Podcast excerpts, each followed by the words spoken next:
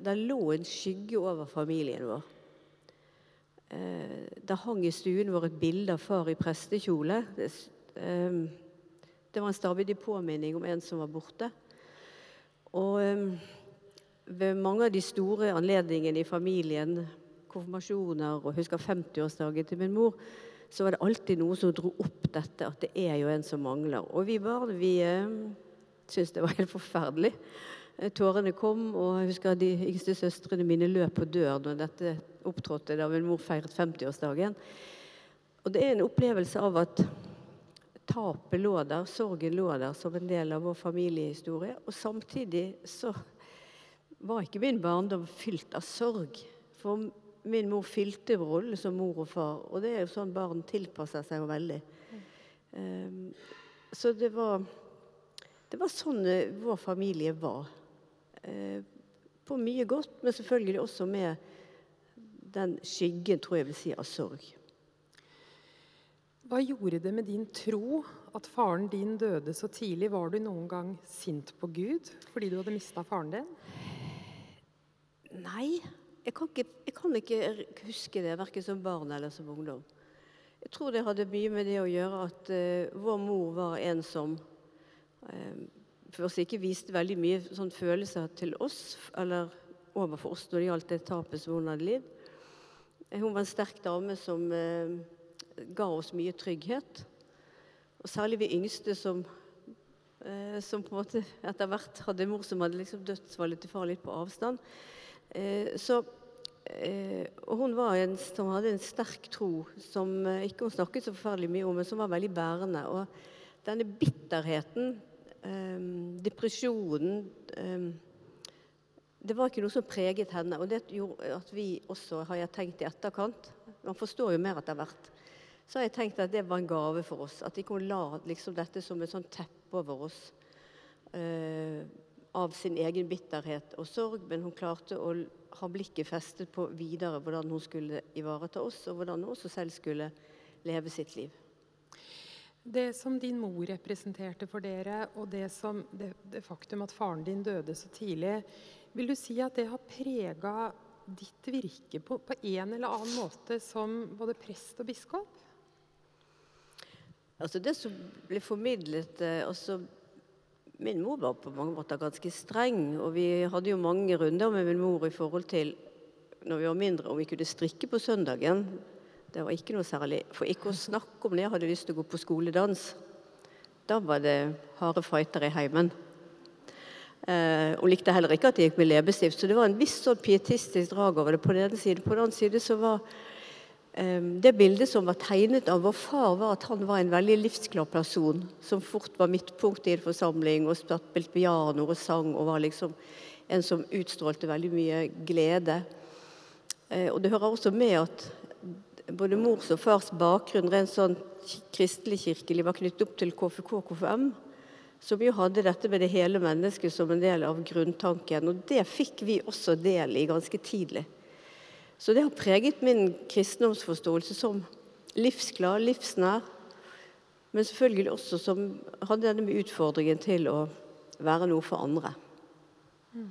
Men ikke, ikke, en mørk, tung kristendom, nei.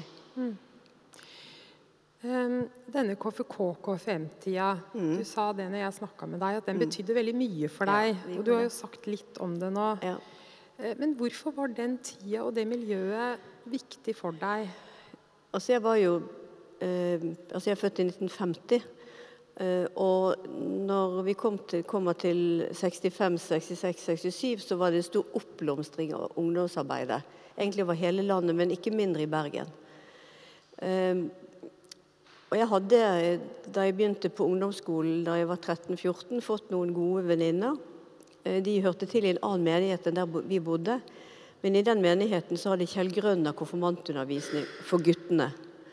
Og han, Kjell Grønner har jo vært en legendarisk ungdomsleder i Bergen. Og han etablerte ungdomsklubb i den menigheten, Landås menighet. Og der ble jeg med, og venninnene mine med. Og det var å komme inn i et arbeid som var utrolig eh, svært. Svære, vi har en ungdomsklubb på 120-130. Da fikk vi lederoppgaver. Og der ble vi utfordret til å tjene. Og det var jo da 67-68, den nærmer vi oss 68, med den sosialetiske vekkelsen. Så det var et rom for eh, trosformidling. Det var en sterk forkynnelse. Men det var også et rom for engasjement. Så jeg var jo sto i, i, i Bergen med en sånn hjemmelaget plakat i 1967 mot jul og sa 'God jul for Biafra'. Det var nokså sånn amatørmessig sett i lys av hvordan man nå aksjonerer. Men det var en veldig viktig del av, av trosutviklingen, dette å ha et blikk for den andre. Uh, og I den tiden så kom det også et vell av nye salmer som hadde dette. altså 'Gud, du er rik, himmelske Far, du har skapt oss', 'Guds kjærlighet er som stranda. Alle disse salmene som var veldig substansielle, kom liksom uh, De strødde sin velsignelse innover ungdomsarbeidet som jeg var med i. Det har vært veldig stor betydning for meg. Denne tida er jo litt sagnomsust, akkurat denne tidsepoken med ungdomsarbeid og oppblomstring og engasjement. Mm. Og den varte jo også flere en god stund utover. Mm.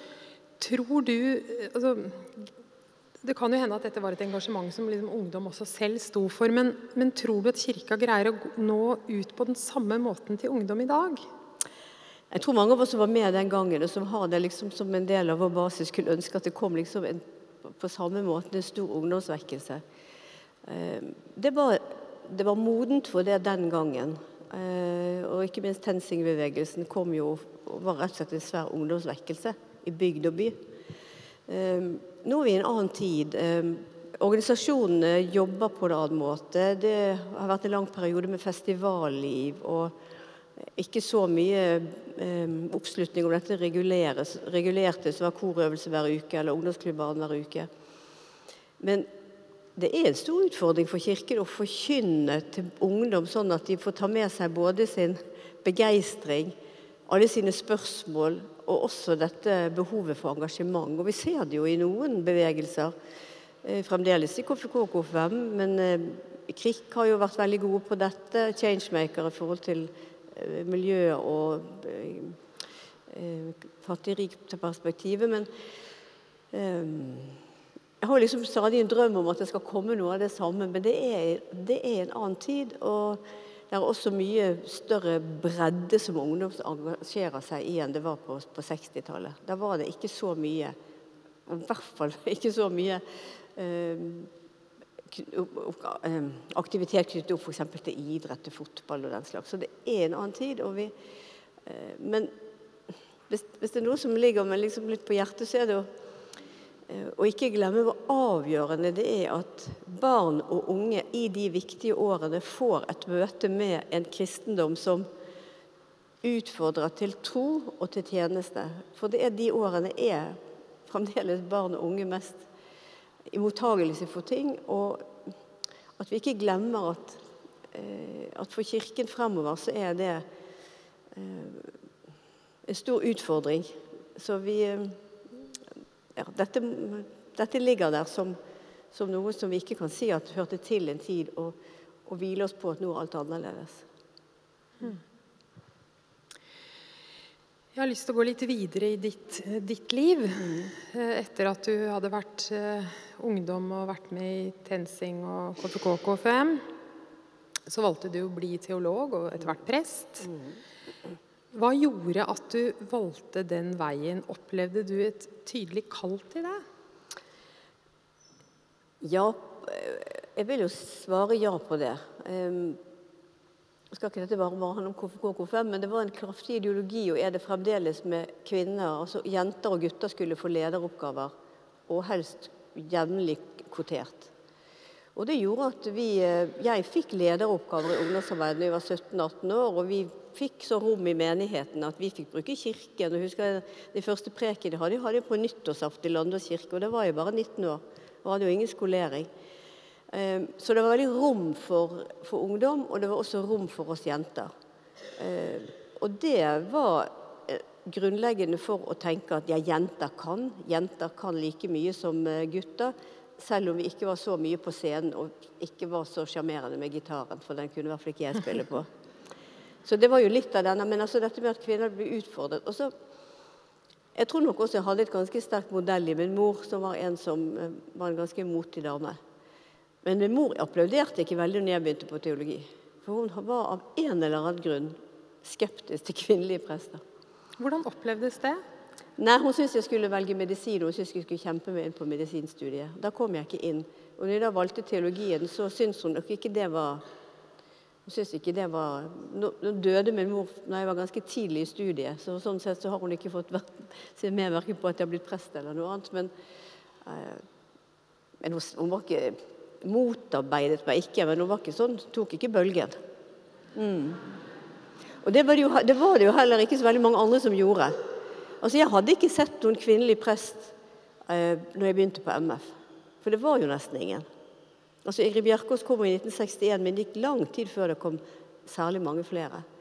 Så når jeg begynte på MF, jeg tok noe i Bergen først og begynte på MF i 1971, eh, da hadde jeg også en opplevelse av de andre jentene som gikk på MF. De var, kom fra andre miljøer stort sett og var nokså annerledes enn meg som var byjente.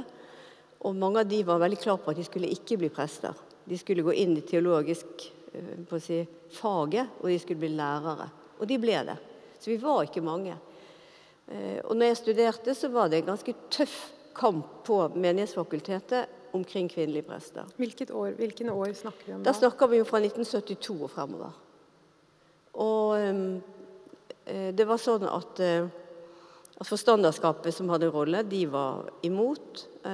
ganske mange lærere var kraftig imot. Og det var foreninger blant studenter med lærere som eh, importerte taler fra Sverige, en som het Bo eh, Gertz Sardelius, som var veldig tydelig på at dette var testfrågan på evangelisk kristendom. Gikk man inn for kvinnelige prester, så hadde man mistet i den testen. Når du, når du, du var jo ganske ung den gangen. Mm. og når du da fikk disse, en del av forstanderskapet, en del av lærerne på MF, var det sånn at du noen gang stilte deg spørsmålet er det feil? Eller var du sikker i din sak? Jeg var ganske sikker. Eh, det handlet også om at jeg etter hvert fikk et veldig godt grep om teologien. Eh, så jeg var ganske trygg i det faglige. Og så var det én lærer, en professor som også kom fra Sverige, Edvin Larsson. Han var nytestamentler. Og han klarte på en sånn eh, lavmælt måte å formidle tekstene som ble veldig åpne for meg og mange av de andre kvinnene. Hvor vi fikk gode argumenter, faglig fundert, som trygget oss i at det gikk ikke an å bruke enkelte skriftord på at kvinner ikke skulle være prester. Så han åpnet den veien på en måte som, eh, som vi innimellom minner hverandre om når vi treffes noen kvinnelige prester, at Edvin Larsson betydde mye for oss.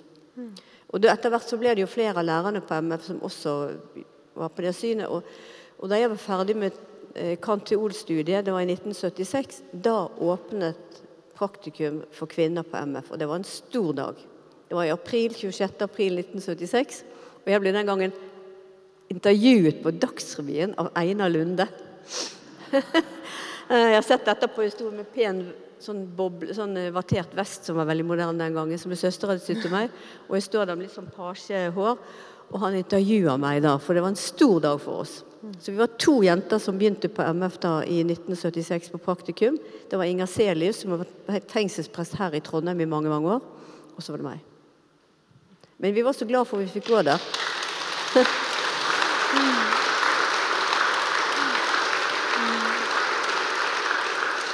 Men vi var så glad for at vi fikk gå der. Og det ble nesten aldri nevnt med et ord at vi var der. Men det var slik at de mennene som ikke ville ha øvelsesgudstjenester med oss, de var på noen egne partier. Og da vi reiste på tur med praktikum, så var det slik at jeg fikk ikke holde noen preken, men jeg fikk åpne et bedehusmøte på Halsenøy. Så, eh, så, sånn var det. Og det jo Ja, det var i 1977 jeg var ferdig på praktikum. Men eh, sånn var det. Vi skal snakke litt mer om, om kvinnelige prester eh, etterpå, litt senere ute i samtalen. Men jeg har lyst til å gå over til et annet tema som er kobla til eh, når du var ung og begynte som prest. Mm. Eh, for da du blei ordinert her i Trondheim ja. Og du kunne faktisk velge mellom å bli ordinert i Nidarosdomen eller i kirka di. Og der som jeg forsto deg, så var ikke kirkerommet ferdig, så da måtte du eventuelt bli ordinert i et bomberom i den menigheten. Hvorfor valgte du bomberommet? Altså, Vi tilhørte Kolstad menighet, og da var det ikke kirke, men det var en veldig flott menighet som var i vekst i et område av byen som, eh, var mye nybebyggelse, blokker og sånn. Og da var kirkerommet bomberommet på Kolstad skole. Eh, som ble rigget til av frivillige hver søndag. Og jeg var på ordinasjonssamtale hos biskop Bremer, og han spurte meg vil du bli ordinert i Nidaros domkirke eller i kirken din på Kolstad. Og jeg var ikke i tvil. Og det er ganske utrolig å tenke på nå. Men det var fordi at der var menigheten. Eh, der visste jeg at de ville komme som bodde der, og som hørte til fellesskapet. Eh, og det var også en bekreftelse på den menigheten. Så jeg har sett disse bildene hvor jeg står oppstilt. Så i grunnen mest ut som en konfirmant eh, ved siden av Bremer. Eh, og det var jo altså det var, det var et bomberom med et enkelt bord som var, som var alteret, og et kors, enkelt, enkelt kors som var på veggen. Men det, jeg tror det, det, sier noe om tiden. Dette var i 1981. Det sier noe om tiden. Mm. Men det sier også det sier nok eh, Jeg har blitt utfordret for dette et par ganger tidligere. og det har nok også det sier noe om, om mitt syn på, på, Kirken, som var for alminnelige folk, og vi samlet oss, og det var gudshuset vårt. Og så sier det vel sannsynligvis også noe om meg. Mm. Um, jeg tror det for uh, Hvis jeg skal klare å si noe om det, så Jeg opplever meg ikke som en pompøs person. Uh, så for meg var ikke Nidarosdomen i all sin prakt så viktig for meg. Uh, det viktige for meg var å være der, og med det også bekrefte menigheten der. For de ville ikke reise til byen. Nidarosdomen hadde heller ikke den posisjonen i byen den gangen som den har nå. Eh, og dette har nok fulgt meg ganske mye. at Kirken, Det er fantastisk med bygg som denne kirken og Nidaros domkirke. Og jeg elsker jo å feire gudstjeneste der og være til gudstjeneste der. Men det er faktisk ikke avhengig av det. Du Sier, det sier litt om deg, og det tror jeg også det gjør. Jeg har rett og slett lyst til å spørre deg Du har jo både vært prest, og nå er du biskop og preses. Hva er kjernen i troen din, egentlig? Hvis du skal prøve å beskrive den.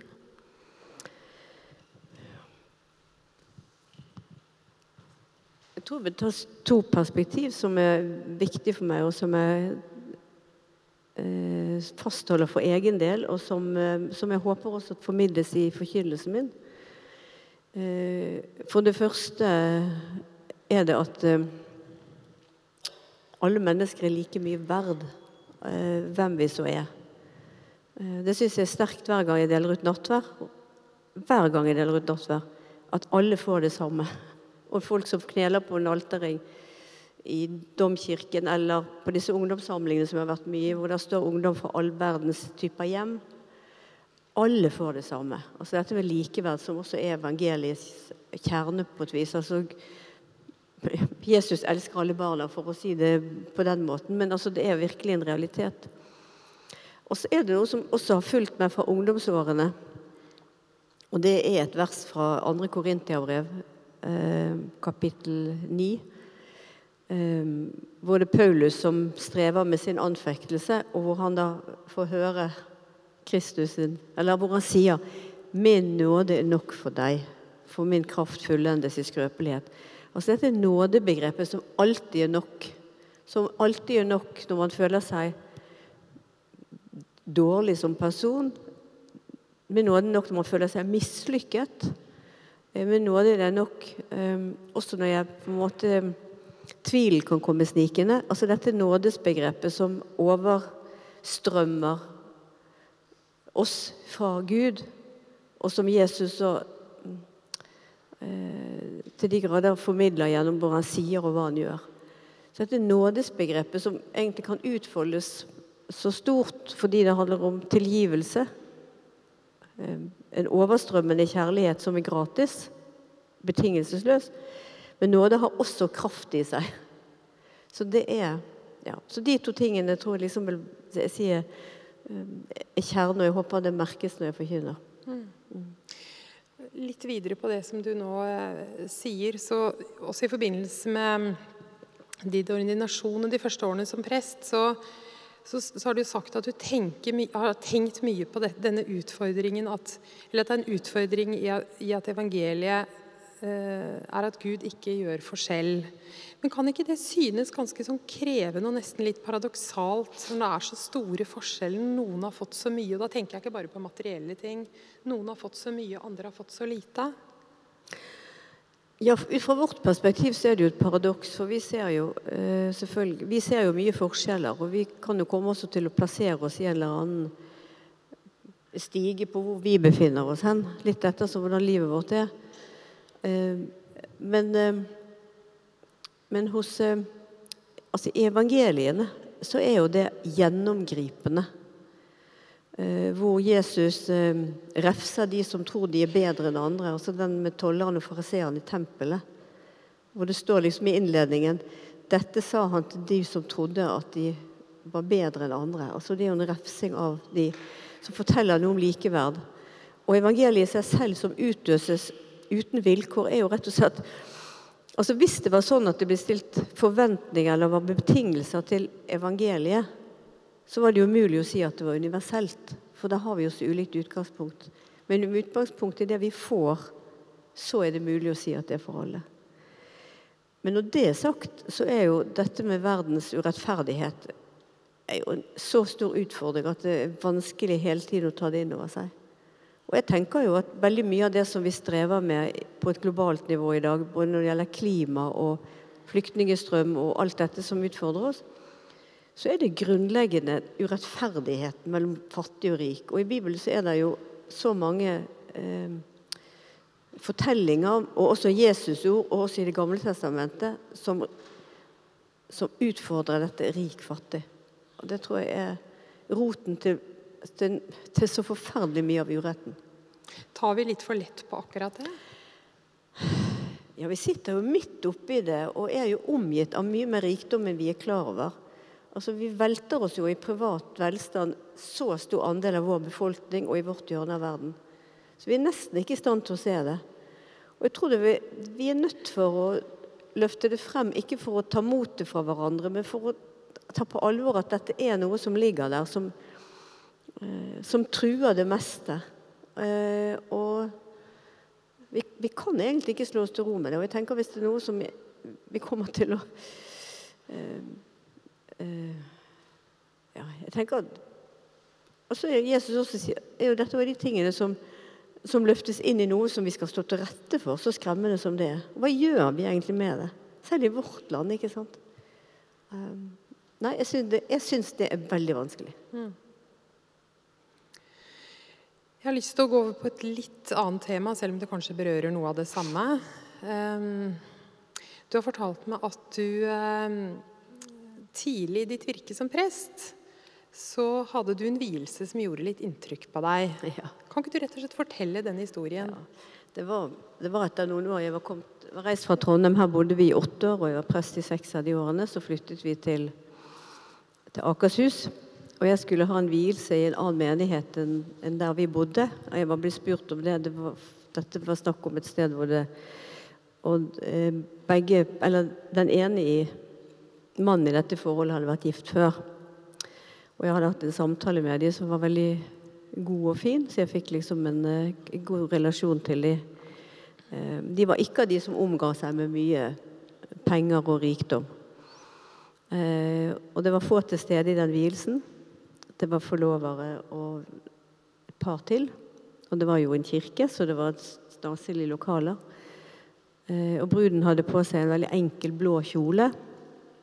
Og jeg holdt en, en verdig tale til de, tror jeg, og viet de og erklærte de for rette ektefolk. Så neier bruden og ser på meg og sier 'tusen takk'. Og det var så bevegende.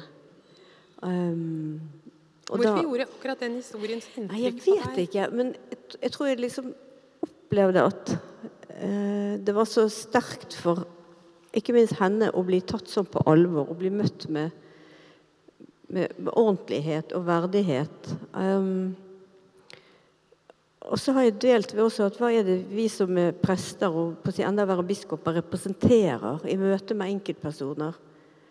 Jo, mange er jo litt sånn nervøs for å nærme seg Kirken. For en del har opplevd at Kirken har opptrådt på en måte som de har opplevd som veldig vanskelig å oppleve at de ikke har blitt verdige. Um, jeg vet ikke, om Dette er litt sånn fundering i etterkant, men, men, det å være klar over at, at Kirken også prester og, og ja, som sagt, enda mer biskoper innehar jo en posisjon som, eh, som vi være klar over at også noen kan føle seg liten i forhold til. Eh, og er det noe som jeg har hatt et sterkt ønske om bestandig, og så godt som jeg kan bidra til at ingen skal føle seg liten i møte med meg, um, det var en påminning om det, og jeg har tenkt mye på det siden. For jeg har hatt masse vigsler. Men akkurat hun neiet dypt og sa 'tusen takk'. Ja. Det er en veldig fin og rørende historie. Um, du, du, er opptatt av verdighet og det å gi verdighet. Uh, og formidle det på en måte som, som gjør at folk opplever, opplever seg ivaretatt. Når du tenker på kirka som, som du er et overhode for, uh, er det sånn at du tenker at kirken greier å møte mennesker med den verdigheten? Eller syns du det er både og? Altså, hva tenker du rundt det? Mm. Det er et ganske stort spørsmål. Eh, og jeg syns ikke det er så lett å svare ubetinget ja på det. Men jeg mener at det skulle være sånn at jeg kunne sagt ja. For det handler jo ikke bare om hva Kirken eller den enkelte prest eller biskop for den del ønsker å formidle, men det, det handler jo også om hvordan det blir tatt imot, og hvordan det blir opplevd. Og Det er ikke tvil om at i Kirkens historie, hvis vi drar liksom litt lange linjer, så har jo Kirken vært et apparat for eh, eh, på si øvrighet, Eh, jeg kjenner mange som, eh, som har en litt sånn skrekkhistorie, møte med prest f.eks. da de var konfirmanter. Jeg har en svigerinne som opplevde at når hun kom med dåpsattesten, hun var konfirmant, så sa, prest, sa presten ja, men her står det jo feil, du heter jo ikke det, du heter det. Jo, jeg heter det. Nei, nei, nei, du heter ikke det. Altså, Det er en del som har sånne historier på uklokskap, og kanskje også en, en holdning til, til, mennesker som ikke har vært sånn som Kirken skal fremtre. Eh, og Kirken også som institusjon har jo også skal ikke dra veldig langt tilbake, men eh, sett i lys av fornorskningen når det gjelder det samiske folk, så har jo Kirken en historie som vi ikke er det minste stolt av. Eh, det samme gjelder forholdet til reisende, altså til tatere. Hvor Kirken på mange måter var en form for direktorat og bidro til at de ble behandlet eh, som annenrangs mennesker, og det ble begått overgrep mot dem. Og begge deler har jo Kirken beklaget. Men det er jo ikke sånn at den beklagelsen rekker inn til alle sine hjerter, hvordan de har opplevd Kirken og hvordan de har sett på Kirken. Så dette har jo vi måttet uh, ta oppgjør med. Og når jeg nevner noe, så er det fordi vi må si det om igjen. Og Kirkens uh, forhold også til uh, altså En ting i, i lys av kvinner og likestilling, det, det er én ting. Men ikke mindre når det gjelder forholdet til homofile. Så har jo Kirken eh, gjennom uttalelser gjennom årene eh, gjort det sånn at det har vært mye skam, mye lidelse og mye bortvendthet fra Kirken knyttet opp til dette. Eh, så dette er jo en del av vår historie som vi bare må vedstå som, en, som er en del av vår historie. Men så eh, det er viktig å nevne det, og det er viktig å ha beklaget. Og vi må gjerne gjenta de beklagelsene. Og så må vi vite at mange lever med sår knyttet til det. Um, som ikke bare er borte ved det. Men, så dette er en for, nærmest en sånn heling og en forsoningsprosess, tenker jeg. Mm. Jeg skal nok en gang over på et litt annet tema som har også litt med dette å gjøre. Um, for vi har snakka litt om din tro og barndom og ungdom. Men vi må også inn på noen av de eh, skal vi kalle det kontroversene som har vært i kirka, og samfunnsdebatten for øvrig. Mm. Um, og Kirken, og dermed også du som preses, er blitt beskyldt for å være for politisk. Mm. Hva tenker du om den kritikken? Jeg har jo blitt beskyldt for å være godhetstyrann. Det var liksom et ord som dukket opp direkte på bakgrunn av noe som jeg hadde sagt. Altså, Kirken har vel helt fra Jesus' sin tid vært politisk i betydningen at den har vært kritisk til makt. Og den har eh, stått på de svake side, i hvert fall i I, i stor grad. Eh, og det gjelder også helt opp til vår tid. Men så har vi også Kirken som jeg nevnte i sted, vært på maktens side. Eh, og Der må vi være kritiske til hvordan Kirken har opptrådt. Men når det gjelder de store spørsmålene som opptar oss i vår tid, så har Kirken hatt en stemme som også har hatt politiske utfordringer ved seg. Eh, og Kirken har vært eh, anklaget for å være politisk sånn generelt, fordi vi har hatt eh, engasjement i klimasaken.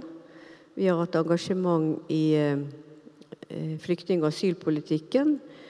Og det er også andre samfunnsforhold som det har vært et engasjement også knyttet opp til abortspørsmålet og bioteknologispørsmålet.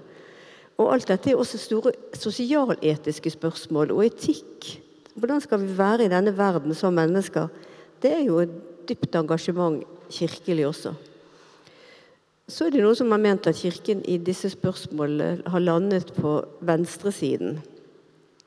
Eh, jeg vet ikke hvor mange ganger jeg har fått det spørsmålet. Eh, og til det mener jeg det er all grunn til å løfte frem at det er ikke riktig.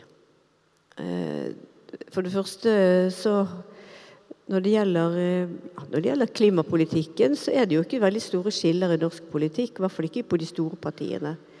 Eh, når det gjelder asyl- og flyktningpolitikken, så er det jo aldeles ikke stor forskjell på de store partiene. Ehm, så er det jo andre spørsmål som eh, også går på kryss og på tvers. F.eks. når det gjelder bioteknologiloven, så er det i hvert fall er det i hvert fall mangfoldig hvordan de politiske partiene stiller seg. Det samme for så vidt når det gjelder abortspørsmålet. Så så når jeg nevner dette, så er det fordi å si at det er ikke sånn at Kirken har en politisk preferanse i retning av et politisk parti eller en politisk farge. Altså Noen innbiller seg jo, som sier og tror jo at liksom alle som er prester, stemmer Kristelig Folkeparti. Det, det, er vel, for å si det sånn, ganske feil. Men man har noen forestillinger om hva kristne mener politisk. Og kristne er det jo i alle politiske partier. Men når Kirken som sådan uttaler seg, så må vi jo tenke ut fra hva, hva vil være en kristen forståelse, og hva er Kirkens ut fra det bidrag inn i samfunnsdebatten. Og jeg tenker jo at Kirken ville svikte sitt kall hvis vi ikke hadde en røst i disse spørsmålene. Det er jo kirker som er ganske tilbakeholdne med det. Vi skal ikke lenger til Danmark, så har Kirken en helt annen rolle, i hvert fall som sånt, på et ledernivå. Der er nok mer på enkeltpersoner blant prester og andre som uttaler seg. Mens vi har i vår tradisjon hatt uttalelser både som kirkemøte og som bispemøte og som enkeltbiskoper. Og jeg tror at det, at det skal vi fortsette med. Men vi skal også hele tiden holde en høyde. Og vi skal tenke gjennom hva er det som er de overordnede perspektivene her. Ja, for det var det jeg skulle spørre om. Er det, er det noen, ser du noen grenser eller noen områder som du mener Kirken altså som blir for politisk, eller der Kirken ikke skal uttale seg? Ja, jeg, ser jo at det er enkelt eh, Jeg ser jo akkurat, absolutt at det er noen farer for det. For så hadde jo for noen år siden så gikk det jo noen kirkeledere ut og mente noe bestemt om en breddegrad hvor man skulle slutte å lete etter olje. Eh, jeg mener det er grunner til å reflektere over om det var så veldig klokt. og det har også vært stilt spørsmålstegn om Kirken skal gå inn og angi antall på hvor mange flyktninger vi skal ta inn, og hvor mange kvoteflyktninger vi skal ta inn. Eh, og det samme gjelder jo også inn mot eh, andre mer sånne konkrete saker. Og jeg tror det er viktig hele tiden at vi som er ledere at vi stiller oss spørsmålet om å holde høyden. Og Samtidig så er det også vanskelig noen ganger å få direkte spørsmål om konkrete saker og bare, si, bare gjenta noen sånn ja, det er menneskeverdet, som, det er rettferdigheten som, og det skaperverk osv. Eh, så vi skal ikke si at vi av og til har også trådt litt for mye ned i detaljene. Eh, men jeg mener bestemt at det er visse perspektiver som er viktige å løfte frem, og som, har, som handler om å være eh, tro mot det som er faktisk vårt lands verdier, altså kristenhumanistiske verdier som vi har. Det får noen følger for hvordan vi tenker om andre mennesker. Og så er det jo masse som er komplisert der, og Kirken er ikke politikere. Og det har i hvert fall jeg en høy bevissthet om. Vi må også innom et par andre litt kontroversielle spørsmål. Både synet på likekjønna vigsel og abortspørsmålet. Først til dette med, med, med, vigsel. For selv om mange opplever at det har vært flere tiår med homostrid i kirken, så har jo egentlig dette synet endra seg ganske raskt, nesten på en generasjon. Hva tror du er hovedgrunnen til at et flertall i kirka forstår Bibelen på dette punktet annerledes nå enn bare for noen få tiår siden noen liten generasjon siden? Mm. Ja, for det er ganske kort tid, egentlig. Og det har vært en ganske stor endring i befolkningen generelt også, må vi si, men også i Kirken. Og det har vært arbeidet med dette spørsmålet gjennom flere uh, utredninger, ganske breie utredninger. Og hvis jeg skal prøve å gi en sånn analyse av hva som har blitt annerledes, hvordan man også forstår tekstene, uh, så vil jeg jo si to perspektiv. For det ene så har man uh, altså nå er eh, homofilt samliv og homofil, ja, ja, homofilt samliv, og dermed også homofil praksis, som er litt vanskelig ord, syns jeg. Men det er ikke omtalt mye i Bibelen. Det står noe om Det gamle testamentet knyttet opp til Moseloven. Og så står det omhandlet i eh, tre av eh, tre-fire av, av, av brevlitteraturen, altså i Nytestamentet. Så det har vært arbeidet mye med hva er forståelsen av disse tekstene. Hva er det de egentlig kommuniserer? Hva er det de handler om dypest sett? Handler det om forpliktende samliv mellom to av samme kjønn som er blitt glad i hverandre? Eller handler det om en utagerende form for seksualitet, hvor til dels det var menn som brukte gutter, altså en type svær asymmetri? Eh, og det er nok eh, at det har vært blitt langt færre som fremholder at det som omtales i Bibelen, handler om sånn som vi etter hvert kjenner homofilt forhold, kjærlighetsforhold mellom to av samme kjønn. Når man har jobbet med tekstene. Aldeles ikke alle, men det er flere og flere som tenker at det handler om noe annet. Så det gjør at mange flere har sagt at nei, to mennesker som er glad i hverandre, som forplikter seg for hverandre, skal få en anerkjennelse av det, og også Kirkens velsignelse. Så kom jo dette opp for eh, en del år siden at vi først fikk partnerskapsloven. Da var Kirken i store deler ganske skeptisk til den. Så fikk vi ny ekteskapslov, som også med likekjønnet ekteskap. Da var det ganske mange i Kirken som fastholdt nei, vi skulle heller hatt partnerskapsloven. Jeg var nok i utgangspunktet også tenkte at det, det ville vært en god ordning som sikret begge parter et homofilt samliv. Men så ble den, opp, den opphørte, og ekteskapsloven omfattet også likekjønte par. Eh, og for meg så ble det i hvert fall klart at jeg etter hvert var kommet til at, at likekjønnede par eh, eh, som ville forplikte seg på hverandre, også skulle ha ordning rundt seg og få trygghet i det forholdet. Og når da partnerskapsloven ikke var lenger, så, så mente jeg, fikk jeg den overbevisningen, at da er det ekteskapet som har som ikke er like mellom ulikekjønnete og likekjønnete, men som likevel har det meste felles, nemlig forpliktelsen, tryggheten osv. Så, eh, så den debatten har endret seg litt med tiden. Men eh, fremdeles er jo slik at mange i Kirken, også blant kirkelig tilsatte som mener at Kirken gikk for langt, Kirkemøtet gikk for langt når vi har nå liturgi for, som også kan gjøre at likekjønnede kan bli gift.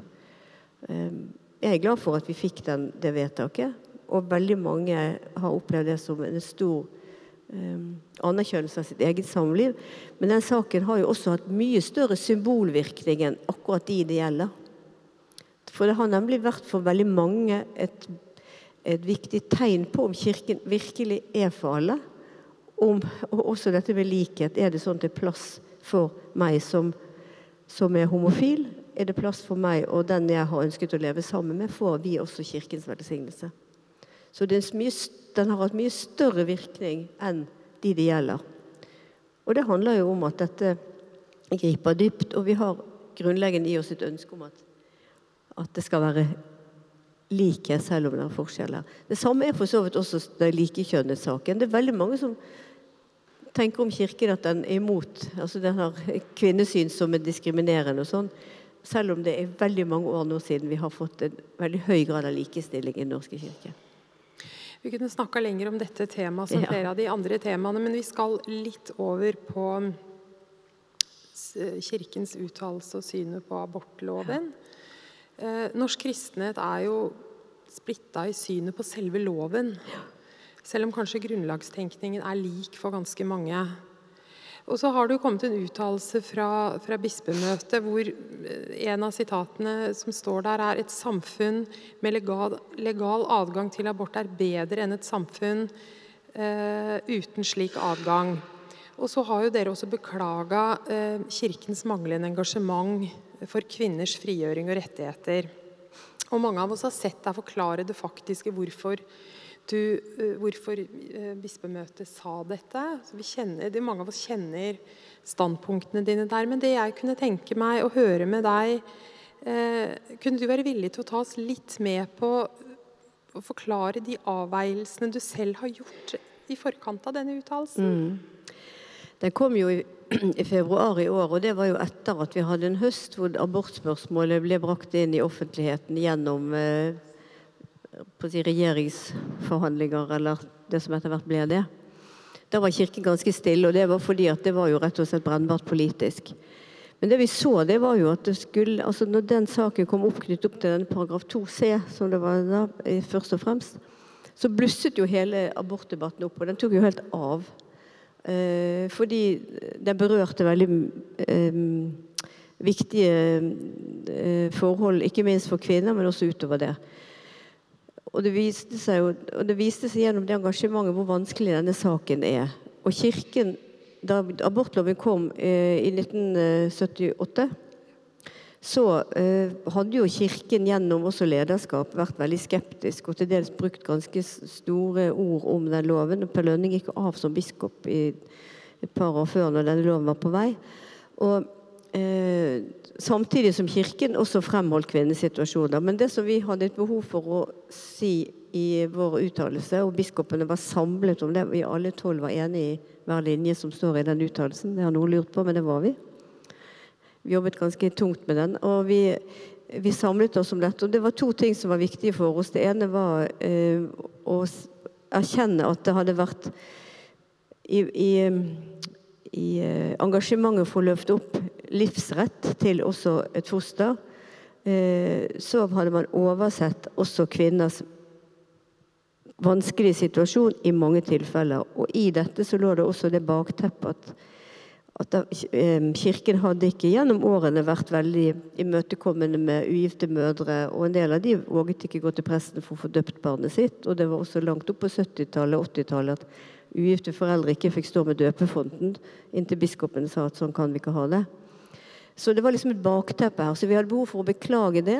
Og så hadde vi behov for å løfte opp også um, at fosteret har rett på vern.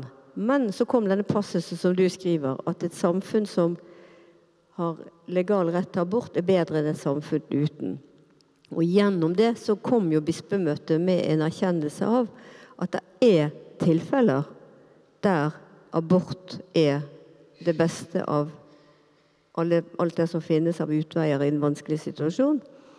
Og vi vet også internasjonalt at der hvor det er ikke mulig for kvinner med abort, så er det for det første et voldsomt svært marked med illegale aborter med alle de helseproblemene som er, men det er også altså, Vi i vårt fellesskap, og det tror jeg de færreste som har, har det synet at enten så er det liv mot liv, da er det mulig å ta abort, eller hvis det er unnfangelse etter voldtekt. Det har jo vært på en måte noe av det som har ligget der. Men, og det er det ingen av oss som mener. At, vi, at ikke det skal være mulig med abort i de tilfellene der. Men det kan også være andre situasjoner hvor det skal være legal adgang til abort med helsevesenet som ivaretar kvinners helse. Um, så noen har lest det sånn at vi har, men har vi sagt, alle sammen har sagt ja til abortloven sånn som den ligger der. Men det har vi ikke gjort. Men vi har likevel anerkjent en en lov som gir kvinner mulighet til abort. Eh, det var vår bakgrunn for det. Og så var det jo inni dette så var det også dette med, med fosterreduksjon, men det var ikke akkurat det du spurte om. For det var jo det som egentlig etter hvert ble den eneste endringen. Mm. Du er den første kvinnelige preses i Den norske kirke. Um, kjenner du på et særlig ansvar på vegne av kvinner knytta til det? Jeg føler jo først og fremst på et særlig ansvar for hele Kirken. Ja, det vet jeg du gjør. Um, så tror jeg nok både kvinnelige prester og kvinnelige biskoper eh, betyr en del ved at de er kvinner i lederposisjon for ganske mange kvinner, faktisk. Har gjort det gjennom årene. Og for en del så er nok det en viktig eh, symbolrolle som er eh, Nettopp fordi at tradisjonelt så har både kirker og ulike kirker De store kirkene i verden har jo ikke kvinnelig lederskap. Og heller, ikke, heller de færreste, altså islam har jo heller ikke kvinnelig lederskap. Sånn at, at dette at kvinner fremstår som toppledere i en kirke, er jo en viktig, for å si det litt dumt, en viktig skanse hvis du tenker på likestilling. Um, så jeg tror nok at det har, hatt, har, en betydning. Men for egen del så var jo først biskop i Borg i en del år, og så ble jeg utfordret og ble etter hvert utnevnt til preses etter denne nye ordningen. Um, og har tenkt at jeg skal ivareta den rollen så samlet som overhodet mulig. Men så har jeg også måttet gjøre det med den jeg er.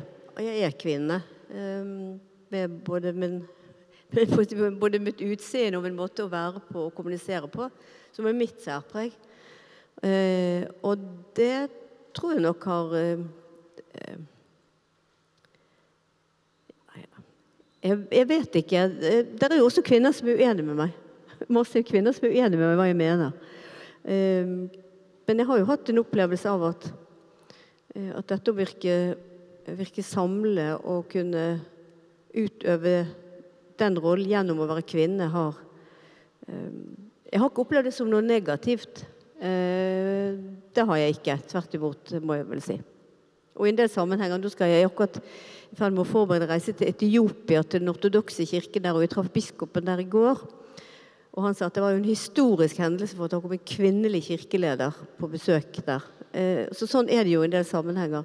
Men det som er interessant, det er at da er det slik i veldig mange land som har en veldig sånn hierarkisk oppbygging, at da, når det kommer til stykket, så trumfer rollen kjønn. Så jeg var i Pakistan. Da ble jeg hele tiden omtalt som erkebiskopen av Norge. Det var jo veldig fint. Eh, men da var det sånn i det møtet med det, det veldig sterkt patriarkalske på alle nivåer, at da var det, da var det rollen, da var det posisjonen som betydde mer enn kjønn. Det var veldig interessant. Mm. Interessant. Mm. Um, vi begynner å nærme oss slutten. Jeg vil innom to ting helt på slutten. Bare litt dypere på dette med asyl- og flyktningpolitikken. Vi har vært inne på det før. Eh, men du, du, ble omtalt jeg, jeg, tror ikke du er direkte sitert på det, men dette var et slags journalistisk sannsynligvis sammendrag av det du, du hadde sagt. da. Så det en avis som skrev det at du var ganske sikker på hva Jesus ville tenkt om den norske asylpolitikken. Hva tenker du om det? Er du det? Nei, det, det, det, var nok ikke noe sitat. Det er litt sånn heftig å sitere Jesus på den måten, syns jeg. Men eh, eh, det er jo i i eh, evangeliene, i kirkens eh, historie også, en sterk fordring til å ta imot den fremmede. Det ligger alle i Gamle testamentet. Og Jesus har jo dette i den um, sterke scenen i Matteus 25, der han var flyktning osv. Så videre. sånn at det er, det, er, det er, tungt over oss alle at vi skal så langt som mulig ta imot den fremmede. Men Kirken har jo aldri sagt og ment at vi i vårt land skal ta imot alle som kan tenke seg å komme hit. Og Kirken har aldri ment eller sagt at ikke det skal stilles krav, og at det skal dokumenteres behov osv. Men vi har ment, sammen med mange andre, at vi har en eh, flyktning- og asylpolitikk som er streng, og i enkelttilfeller så kan den oppleves inhuman. Og jeg tror og mener at det er viktig også for politikere at det finnes representanter for Kirken og for sivilsamfunnet utover det, som utfordrer hele tiden den politikken som vi, vi fører når det gjelder dette. Så stort andel av mennesker er på flukt i denne verden. de som tar de største belastningene av flyktningstrømmen, det er de landene som, lever, som er nærmest, og som, som, slett ikke har det sånn som oss. Men vi kan ta imot uh, en del, og vi må sørge for oss at de som kommer hit, de som skal få bli, at de får bli. At køene til å få behandlet saker blir så korte som de kan. Og at sånn sett at det utøves en rettferdighet.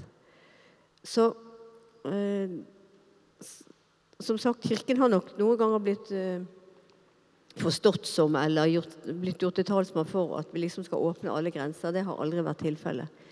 Men det er også tilfeller som vi fra Kirken har hatt en særlig oppmerksomhet på. Og det ikke minst har vært de som har konvertert fra islam til kristen tro.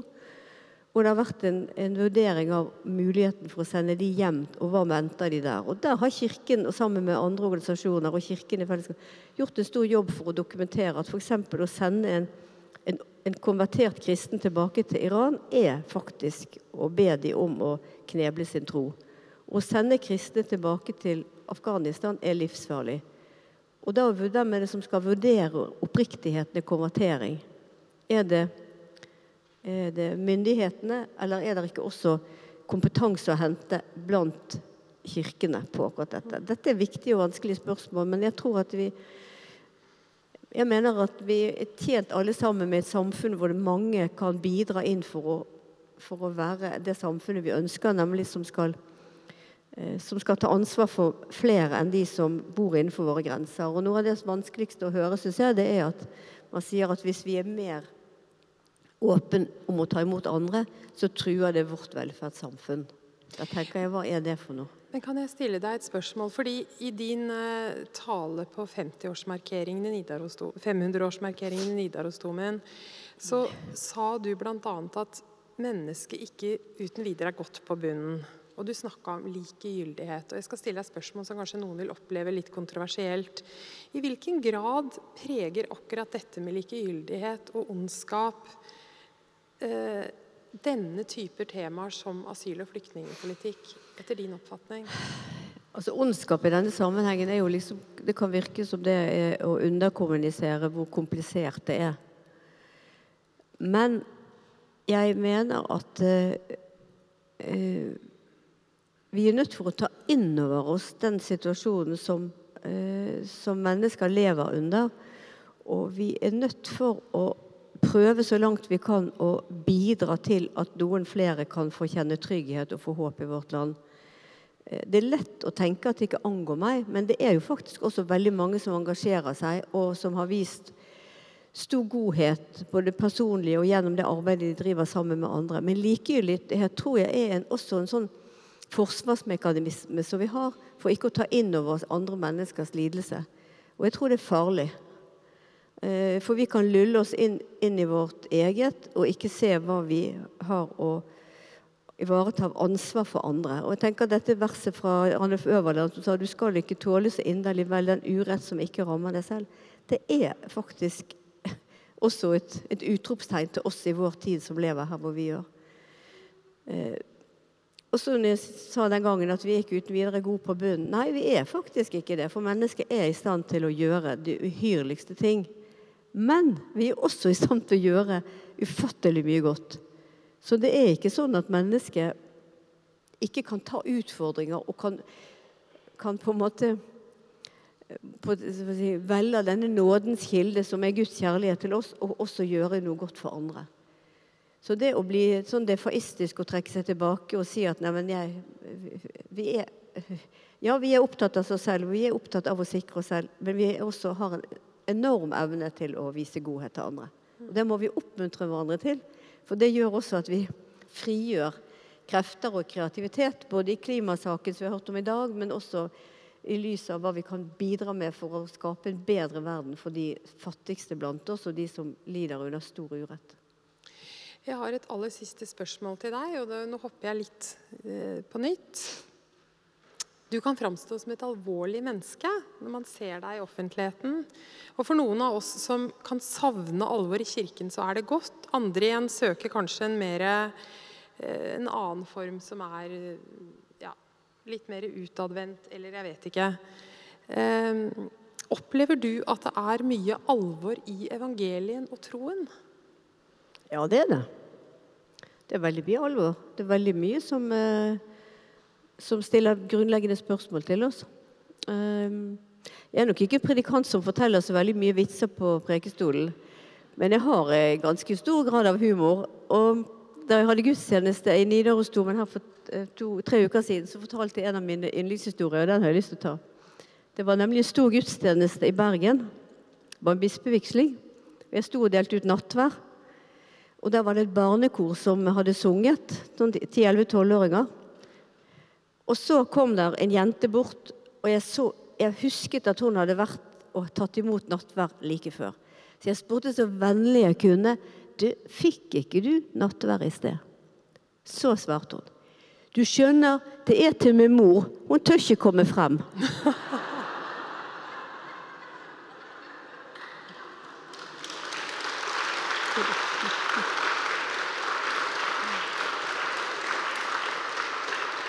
Og det syns jeg jo er en, ganske nydelig historie. Selvfølgelig fikk hun med seg en oblat som var dyppet i vin, ned til moren.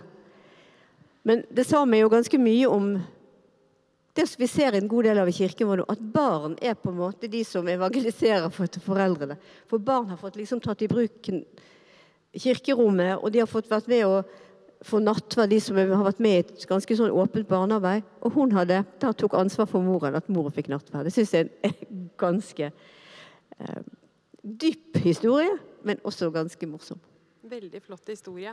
Da tror jeg vi lar det bli det siste ordet, Helga Byfuglin. Tusen takk for at du stilte opp. Det var veldig fint å snakke med deg, og det var godt å høre på deg. Så takk skal du ha. Tusen takk. Det.